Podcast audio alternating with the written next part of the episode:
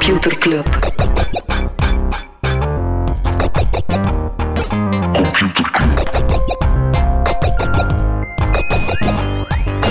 Computer Club. Hey Smolly, Hey Freddy, welkom, welkom terug. welkom. Welkom op Computer Club, een wekelijkse podcast over technologie.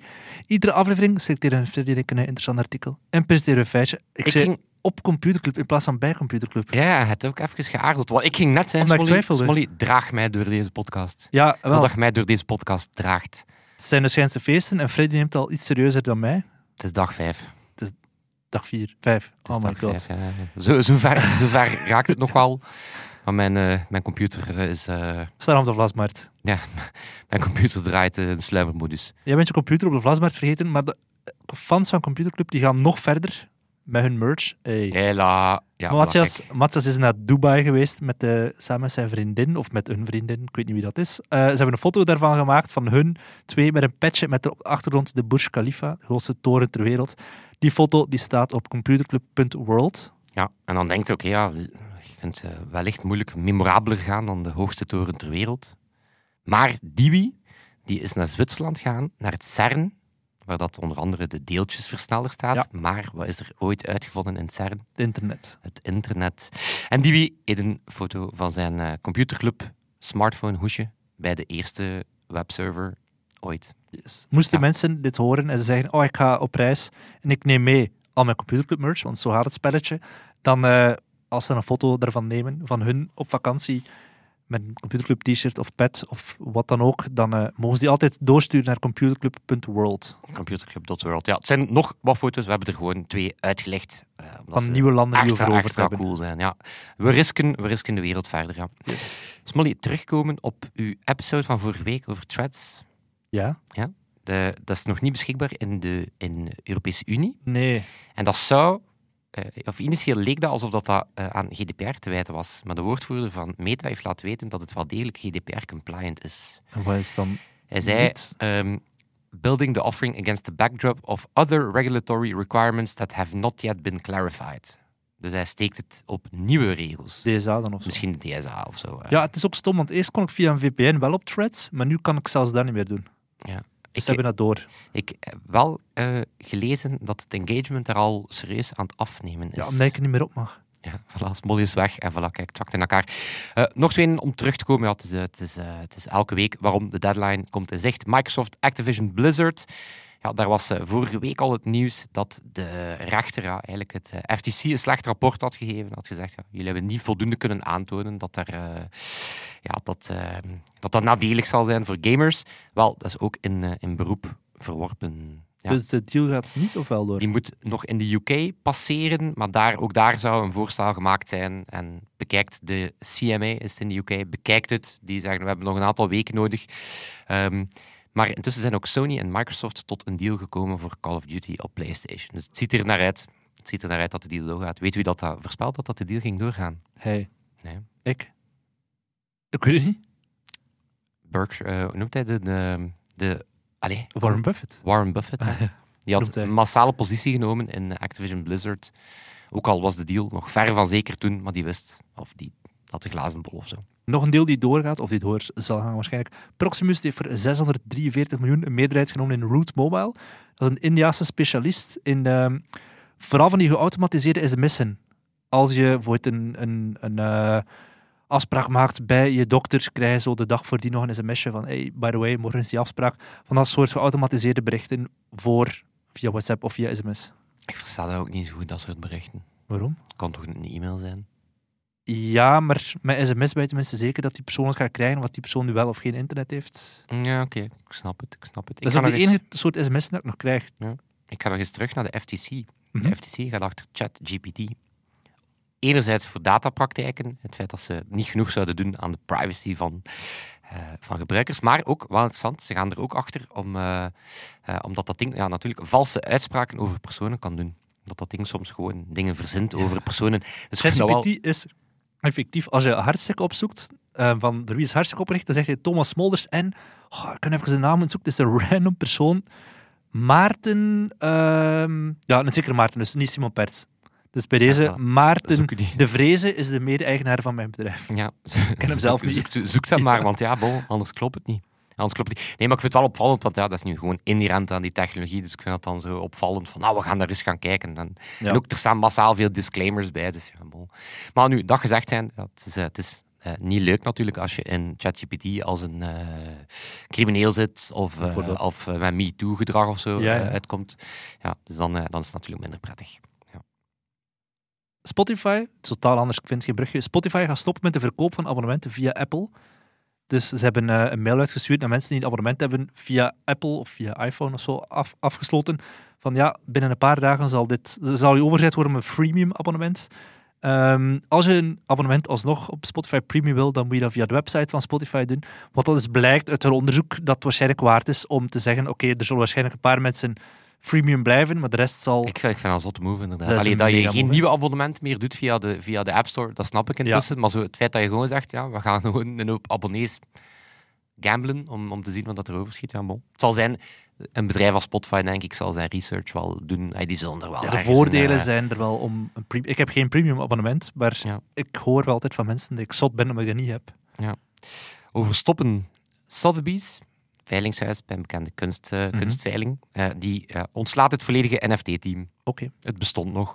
Ehm, Binance die gaat ook duizend mensen ontslaan en dat kan wel eens oplopen tot 2600 mensen, a.k.a. een derde van alle mensen die er werken. Dus ja, de crypto-winter die is, is wel reëel. Ik ken iemand die nog slechter doet. Ja? Van Moof. Van Moof is failliet. Aha, goede move van. Cowboy trouwens. Ja, er is iets voor te zeggen. Dus Cowboy, bij de Van Moof fietsen, die kan niet meer ontgrendelen omdat de app niet meer werkt. Cowboy heeft een soort open source stukje software gerapt en gezegd, hey, we hebben een oplossing. Dat kan uiteraard ook backfiren, want Cowboy heeft nu zelf niet meteen zo'n sterk financieel track record, dus dat kan als een boemerang in eigen gezicht slaan. Het is ook wel een beetje doorzichtige PR, want de dag voordien stond er in de tijd een vrij kritisch stuk over Cowboy. En Cowboy heeft waarschijnlijk gezegd, shit, we kunnen dit missen als kiespijn. Zeker omdat iedereen meteen stukken gaat beginnen schrijven over Van Moof is failliet, is Cowboy next. Hebben zij gezegd, ja, een beetje positief Maar PR met die app gekomen. Beter, beter eh, want de laatste maanden of het laatste jaar vond ik dat ze zich PR-gewijs altijd stevig laten doen hebben. Ja, tuurlijk. Dus in deze optiek Ja, ja. misschien een betere PR-person eh, daar. Dat Of zo. Mm, Ik ga nog even in de winter, eh, terug naar de wintertijd. Eh, want het is niet alleen crypto-winter, maar ja, eh, metaverse-winter, VR-winter is ook, is ook reëel. Maar Roblox is intussen beschikbaar op de Quest Store. Dus ja, Roblox wellicht samen met Fortnite het teksten wat echt op een eh, Mhm. metaverse lijkt. Ehm, dus ik vind het wel nog interessant van, is dit dan de nieuwe metaverse-strategie van Meta? Of is dit wat er nog overschiet van de metaverse-focus van Meta? Maar ik zocht een aanleiding om ook even eh, eh, de mensen van Triangle Factory proficiat te wensen. We hebben een jaar geleden, was het Kenny op bezoek gehad in aflevering 223. Eh, en die waren toen bezig aan een nieuwe game. En Breachers, het zag er naar uit dat die heel populair ging zijn op basis van de beta. En effectief, het zijn er intussen meer dan 100.000 verkocht. En het spel was eh, heel lang de best verkochte titel op de Quest Store. nice. Dus dikke hit voor het Belgische Triangle Factory. Ook een dikke hit voor Amazon. Amazon Prime Day, nieuw record. 12,7 miljard omzet op eh, 375 miljoen aankopen. Een groei van 6,1 procent. Ja. Tegenover vorig jaar. Maar eh, analisten hadden een groei van 9,5 procent verwacht. Dus het is toch geen... Het is het hoogste ooit, maar ze hadden nog net iets meer eh, verwacht. Ja, bij Twitter mag het alles wel iets meer zijn, want ja, minst verrassende eh, nieuwtje. Elon Musk geeft toe dat het bedrijf nog altijd verlies maakt. Ja. Hij zei nogthans, ik zie een pad naar positieve cashflow in Q2, maar Q2 is gepasseerd. Dus het is niet gelukt. En hij laat ook weten dat er effectief nog altijd minder dan 50% van de advertentieinkomsten zijn tegenover vorig jaar. Dus de adverteerders zijn echt wel nog niet, eh, echt wel nog niet terug. Houden we de vinger op de knip. Freddy, waar gaan we het wel over hebben? Daar gaan we het wel over hebben. Zeg maar. Een stuk dat ik gelezen heb op de MIT Technology Review. Dat is trouwens een zeer goede website, MIT Technology Review. Ik denk dat ik er af en toe ook al... Ja, in het Engels. Knap, hè? Ehm, maar een stuk gelezen met een ja, immens hoog Black Mirror gehalte. Eh, namelijk eh, avatars, chatbots, ja, voice assistants, eh, wat, je, wat, je maar wil, van overleden mensen. Ja, om eigenlijk met je nabestaanden, eh, hey, de nabestaanden te helpen rouwen. Ja, dus het wordt eigenlijk een soort ja, replica gemaakt van een geliefde. En dan kan je daar, eh, kan je daar na de dood eh, nog wat gesprek mee voeren. Zoals in de tijd met een seance of een medium, maar dan in dit geval met AI. Eh, dus hoe werkt het? De journaliste heeft er trouwens een award mee gewonnen met dat stuk. Ehm, ze testen zelf een heel specifieke ehm, eh, bedrijf, Hereafter AI, ehm, met replica's van haar beide ouders. Nu, haar beide ouders leven nog, hè, dus ze had het experiment gedaan. Want, eh, hoe gaat dat in zijn werk? Die beide ouders hebben elk vier uur lang een interview, eh, in een interview moeten zitten met iemand van dat bedrijf. Dus heel de tijd vragen beantwoorden over hun jeugd, over hun carrière, over hoe ze in elkaar zitten, hoe ze naar familie kijken enzovoort. Ehm, nu, vier uur lang interview met een mens. Interessant is dat intussen dat interview ook afgenomen wordt door een bot. Dus ja, ook Mhm. op dat vlak eh, wordt het geautomatiseerd. Ehm, en ja, die journaliste kon, kreeg dan een maand later kreeg ze plotseling de replica van haar ouders. En dan kon ze die ehm, ja, via haar eh, Alexa kon ze dan eigenlijk spreken met haar ouders. Want eh, die Hereafter AI, daar zit dan ook zo voice cloning in. Dus er wordt ook een synthetische stem gemaakt van die ouders.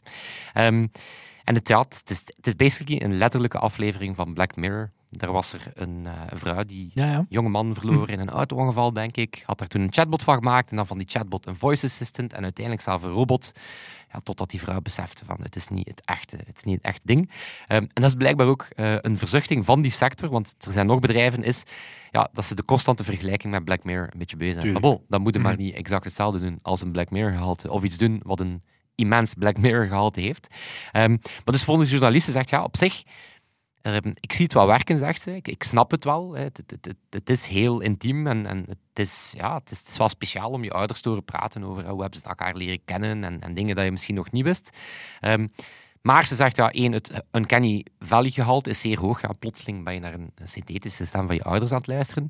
Maar wat dan die illusie een beetje breekt, is zo, ja, de typische issues dat er zijn met voice assistants. Zoals de vraag niet snappen, ehm, Mhm. een verkeerd antwoord geven, ehm, zo'n droog commando van eh, dat kan ik niet, maar wat je me wel kan vragen, Ja. zo, zo dingen die dan zo plotseling de illusie van het feit dat u, dat, dat uw papa is of zo. Wilt u verbonden worden met een medewerker? Ja. Maar bijvoorbeeld een ander bedrijf, eh, Storyfile, eh, die gaan nog verder. Ehm, daar moet je niet gewoon vier uur lang een interview afnemen. Daar moet je heel wat vragen beantwoorden via video. En hun, ehm, hun bot, of hun replica, is ook via video. Dus dan heb je ook nog eens een echte avatar. De rest van je leven dezelfde kleren aan. Voilà, voilà. Nee, dat kan ik mij wel inbeelden dat je kan, eh, dat je kan veranderen. Maar dus nog wat meer creepy. Nu, die CEO die, eh, die gelooft er natuurlijk sterk in, want die heeft zijn eigen moeder virtueel laten spreken op haar eigen begrafenis. Gezellig. Dat is wel Ja. eat your own dog food. Ja. Ehm, nu, voor de mensen die geïnteresseerd zijn, ehm, het valt echt wel nog mee qua prijs. Die Hereafter, dat kost je 10 dollar per maand. Ehm, valt eigenlijk wel mee. En die Storyfile, dat is een eenmalige eh 500 dollar. Nu. Maar daar komt er heel Mhm. veel, heel snel premiums bij. Ehm, maar ja, het was al eerder gedaan. Bijvoorbeeld, eh, kan je ook zelf doen. Er bestaat zoiets als Project December, wat een open source tool is. En daarmee kan je eh, berichten, een Facebook-archief, eh, en daarmee kan je dan een chatbot maken. En een man had dat gedaan van zijn overleden vrouw. En volgens die man hielp dat wel met het rouwproces. Mhm. En dan de replica. Ehm, dat is een bedrijf. gehad. Ja, in de aflevering 235. ehm, zijn nu vooral eh, met chatbots bezig. Dat zijn Mhm. die, die aflevering ging over het feit dat die bots Op hol slaan. op hol slaan en nogal, eh nogal Seksuele horny, dingen, eh, ja. geactiveerd werden. Maar dat bedrijf is ooit begonnen als een, toen dat de CEO een bot had gemaakt voor haar overleden vriend. Dus ook dat. Ehm, dus ja, is dat gezond? Dat soort grief tag, voilà, kijk, weer een nieuwe, nieuw woord geleerd. Hè, is dat wenselijk? Nu, op zich, het is niet zo atypisch, eh, want het hoort blijkbaar een stukje bij het rouwproces. Eh, Mhm. mensen doen dat dan, eh, oude berichten gaan teruglezen of ja, soms zelf voicemailberichten bijvoorbeeld gaan herbeluisteren. Ja, ja. Ehm, dus het is op zich niet, niet inherent ehm, verkeerd, maar volgens experten ehm, ehm, die in stukken naar voren komen, het is wel het risico dat je daardoor dingen niet loslaat of dat je niet accepteert dat die persoon weg is. Omdat het gewoon heel realistisch is, Mhm. ja, dan blijf je eigenlijk een beetje vasthangen in het idee dat je nog altijd Ja, kan, kan gaan chatten, want ja, ehm, het is niet echt. Hè. Eh, maar dat is natuurlijk ook een, een kantje, ja, wat met consent, wat met privacy, want in dit geval, hè, die ouders, ja, die, zijn, die hebben ingestemd, die zijn daar dat interview gaan doen. Maar bon, wat houdt, eh, wat, houdt, wat houdt mij tegen om een hele hoop berichten van iemand anders in een zo'n ding te steken en dan plotseling heb ik een replica van whatever, Iemand die nog leeft. mensen die, of Ja. stalkers of Mhm. zo. eh, voilà. ja. Maar dus kijk, ja, Grief Tag, ehm, ehm, zeer hoog Black Mirror gehalte. Nieuw woordje geleerd. Grief tag. Ja, en het is zelf nog niet eens computerklas. Oh, Want Wacht. dat is nu. Computerklas. Yes, ik heb geleerd dat in Senegal voice messages via WhatsApp zeer populair zijn onder boeren. Waarom? Ah bon? Waarom is dat zo populair? In eerste instantie, nooit bij stilgestaan, maar je hebt er Mag heel... ik raden? Ja, zeg maar. Omdat als ze in een tractor zitten, dat die te veel trilt om berichtjes te kunnen sturen. Ja, nee, dat nu niet. Want reden 1, lokale dialecten die gewoon geen schrift hebben, die gewoon toekoer alleen maar oraal zijn. Of het toetsenbord, als ze al schrift hebben, het toetsenbord is er niet op aangepast met tekens die gewoon... Het is zodanig lokaal, een niche, dat het gewoon de moeite is om daar een eh, toetsenbord voor te maken. Het is ook goedkoper dan bellen, omdat daar blijkbaar WhatsApp, eh, VoIP goedkoper is dan bellen. En je kan het ook beluisteren wanneer je wil, omdat de persoon waarmee je communiceert heeft vaak geen bereik in Senegal. Maar een voice message kan je dan, als je dan bereik hebt, binnenkrijgen, beluisteren en dan eh, terugsturen. En er zijn daar hele WhatsApp-groepen van boeren die zo onderling tips delen over hoe ze moeten omgaan met de droogte of met andere, eh, ja, andere zaken die bij boeren komen kijken. Dus in Senegal, is voice een message super zijn een ding. specifieke subcultuur waarin ik mij ga verdiepen. Zot? Lokale Senegalese boeren. Ja. En de tips die ik Waar- niet ga snappen. Gewoon toevoegen Totdat ik kom en dan het inherent gewoon voel. Wat, dat, wat ik met dat land moet doen. Ja. ja. Blijkbaar. Nee, maar ook Voice jij veel? Nee, het zijn zo wel af en toe paar mensen waar ik het zo voor de grap mee doe, maar er niet zo bewust van ik ga hier elk bericht in ik een voice echt message een boomer, maar pff, ik doe dat niet graag. Ik doe het ook niet. Zeker als het zo lange berichten zijn, Als ik verlies je context. Ja, en ook zo, weet je, ik heb zo twee maanden die dat doen. Mhm. En dat is dan zo, oh, fuck dat. Weet je, zo het inhalen van zo'n groepsgesprek, als je zo even niet, niet, niet ingecheckt waart. Ja. Zo van, je leest daar diagonaal door, of je, je leest heel snel van, Mhm. is dit überhaupt de moeite? Maar als van die voices zijn, dan is het van, ja, hallo, cancel all my plans. Ja. Je mag me ook ergens anders gaan zetten of zo. Hey, weet dat zo? Ja, ja. Maar eh, ik las dat, er, dat ze eindelijk eh, met transcriptie gaan komen.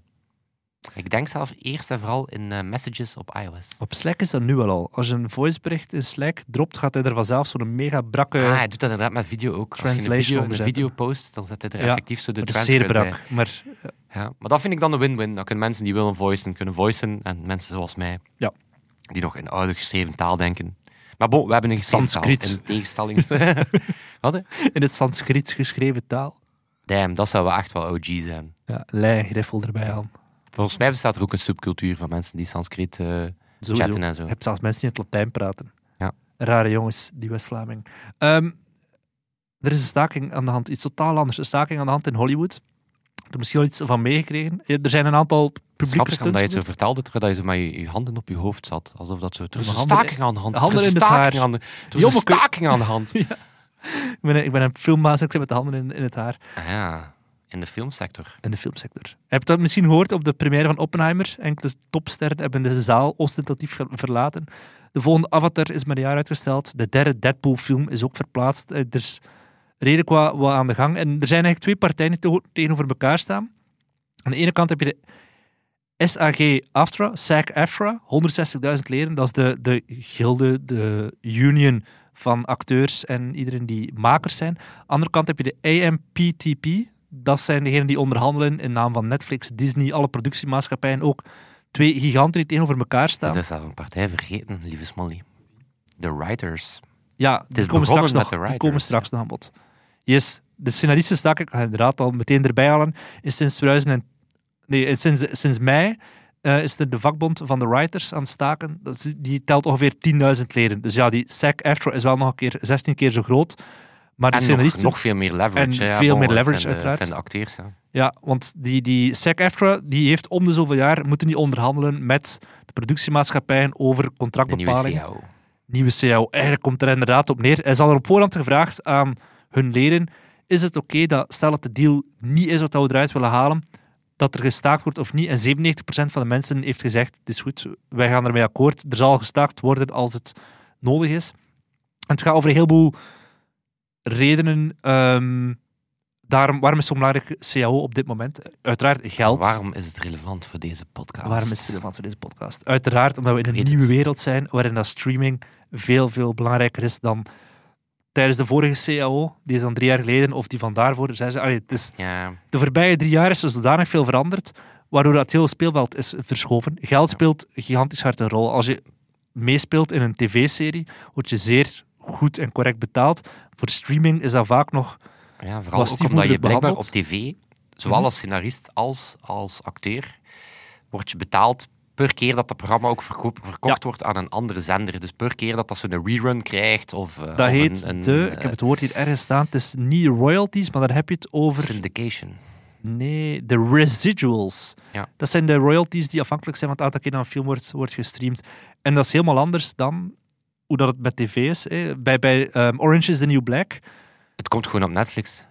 En Ja. dat is het. En de acteurs van Orange is the New Black, die, de New Yorker nam die als voorbeeld, omdat die serie is ontstaan net op het kantelpunt dat Netflix in eerste Original instantie programming original programming begon doen. hè. En ook nog niet wereldwijd actief was. Waardoor dat zij in- bij die eerste rondes, die eerste seizoenen, het eerste jaar, was 2013, op dat moment dat Netflix nog heel veel landen niet waar dat ze actief waren. Dus die acteurs, een, een verdeling was een stukje geld van Netflix en een stukje geld van de verkoop aan. Want Orange is the New Black is ook een heel televisiezenders verkocht om daarop getoond te worden. En die inkomsten daarvan waren zeer hoog. En dan ja, jaar na jaar veroverde Netflix meer landen en was er minder televisieinkomsten en veel meer streaminginkomsten. In sommige gevallen is het echt dramatisch. Er zijn sterren uit Orange is the New Black die 27 dollar en 30 cent hebben gekregen voor een bepaald jaar. Allee, naast het geld dat ze verdienden om op de set te staan, voor de residuals 27 dollar. Ja, Ja, sorry, maar maandelijks meer geld van onze vrienden van de show dus dat. dan die en sukkels uit Hollywood. Zelfs het, loon, zelfs het loon om op set te komen is voor niet-topsterren. Je hebt dan de topsterren, die verdienen ja, deftig een boterham. Maar degenen die zo wel herkend kunnen worden, dus niet figuranten, maar wel zo de, de dokter die af en toe in beeld is, of iemand die echt wel dialoog heeft, maar geen topster is. In sommige gevallen kregen die maar 900 euro per dag, moesten ze hun job combineren met een echte job ernaast, om niet te kunnen... eh, ja, om toch een Zelf die, huur zelf die sterren waren ook meer en meer aan het protesteren. Hè. Ja, omdat die Remember uiteraard een sympathie... Scarlett eh, Johansson. Die is ook die er een keer ruzie rondgezocht, omdat het, Mhm. die krijgen ook vaak een deel van de box office. En dat was Eh, met de Black Widow films ja, van eh, en dat Marvel. kwam toen meteen op Disney Ja. uit ook, waaruit dat ze dat ook zeiden van ja, oké, maar dan gaan er veel minder mensen het zien gaan, wat Mhm. ook waar is, maar bon, dat staat er in het contract. Dus ja, geld, dat is er een heel belangrijke. Geld is zeer belangrijk. Ook gewoon court de, de eh, omstandigheden waarin dat ze moeten werken en de voorwaarden van streamingdiensten. Maar ook zeer belangrijk kunstmatige intelligentie. Hoe gaan ze daarmee omgaan? Met CGI, met stemmen die... We dachten even dat generative AI hier niet in, in deze podcast zitten. Nee, maar uiteraard, Ja, je merkt het nu al, je merkt het nu al bij acteurs die overleden zijn, kunnen ze perfect nieuw Indiana Jones, ja, de oude Harrison Ford zit erin, maar ook de jonge, die helemaal met CGI gemaakt is. Hoe zit die compensatie daarvoor? Dat is iets wat dat drie jaar geleden nog niet in de CAO stond. En als ze nu er even zijn eh, aan bij, bijgenomen hebben, ook Ja, daar. Hetzelfde voor die scenaristen, denk ik. Maar dat is, ja, Hollywood heeft echt wel een lange geschiedenis hè, van staking. Als je kijkt, Walt Disney zijn meest donkere periode in zijn leven is de staking van 1941. Toen dat de scenaristen ook in staking zijn gekomen en de, anim en de animatoren, niet de top animators, die kregen zeer goed betaald, maar de, zo de, het voetvolk.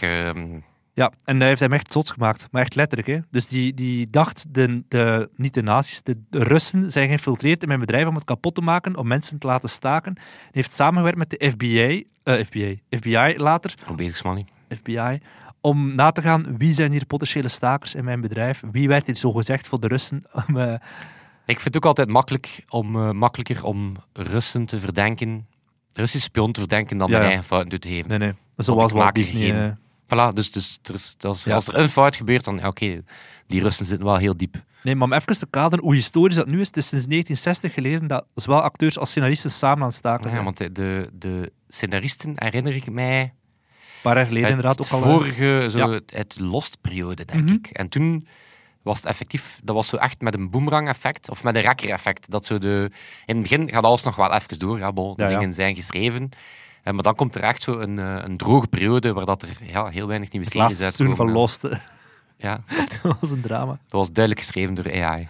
Ja, maar ook nu inderdaad, ze zijn al wel aan het schuiven in de agendas. Wat dan misschien ook niet slecht is, hè, als je kijkt naar de overvloed dat we hebben gehad op streamingdienst, die ervoor zorgt dat er misschien te weinig geld is om iedereen correct te betalen. Ja. Dus het, het, ja, wat dat er nu gaat gebeuren de komende maanden, en misschien zelfs jaren, is dat Netflix in eerste instantie, of Disney Plus, oud materiaal heb, hebben liggen dat ze kunnen eh, erop zwieren. Disney heeft nog een aantal klassiekers die nog niet op Disney Plus staan. Daar kunnen ze nog wel een paar maanden, of misschien zelfs jaar mee verder. Dan daarna, no idea hoe dat gaat gebeuren. eh. In oktober gaan ze opnieuw beginnen onderhandelen. Het is ergens ook wel zo, de budgetten zijn ook aan het minderen van die streamingdiensten. Ze zijn bijna Mhm. allemaal al Ja, ja. even aan het terugschroeven, dus eh, het komt ook misschien niet slecht uit. In oktober In gaan oktober pas? Ja, ja, zot hè. Damn. Yep.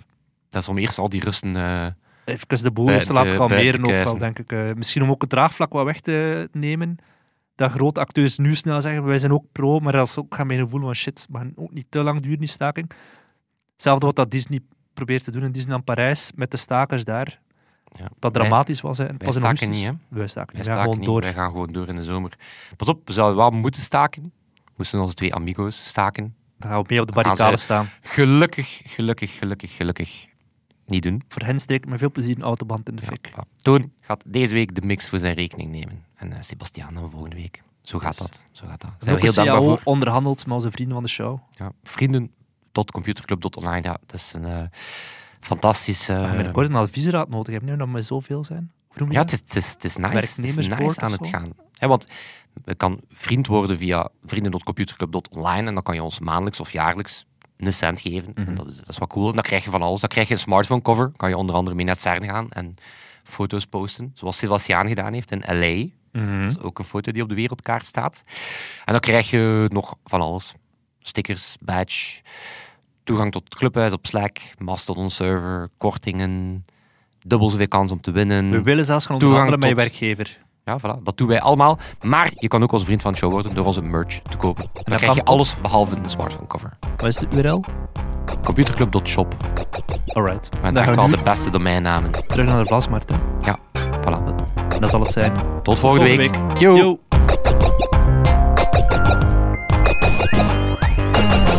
Компьютер клуб.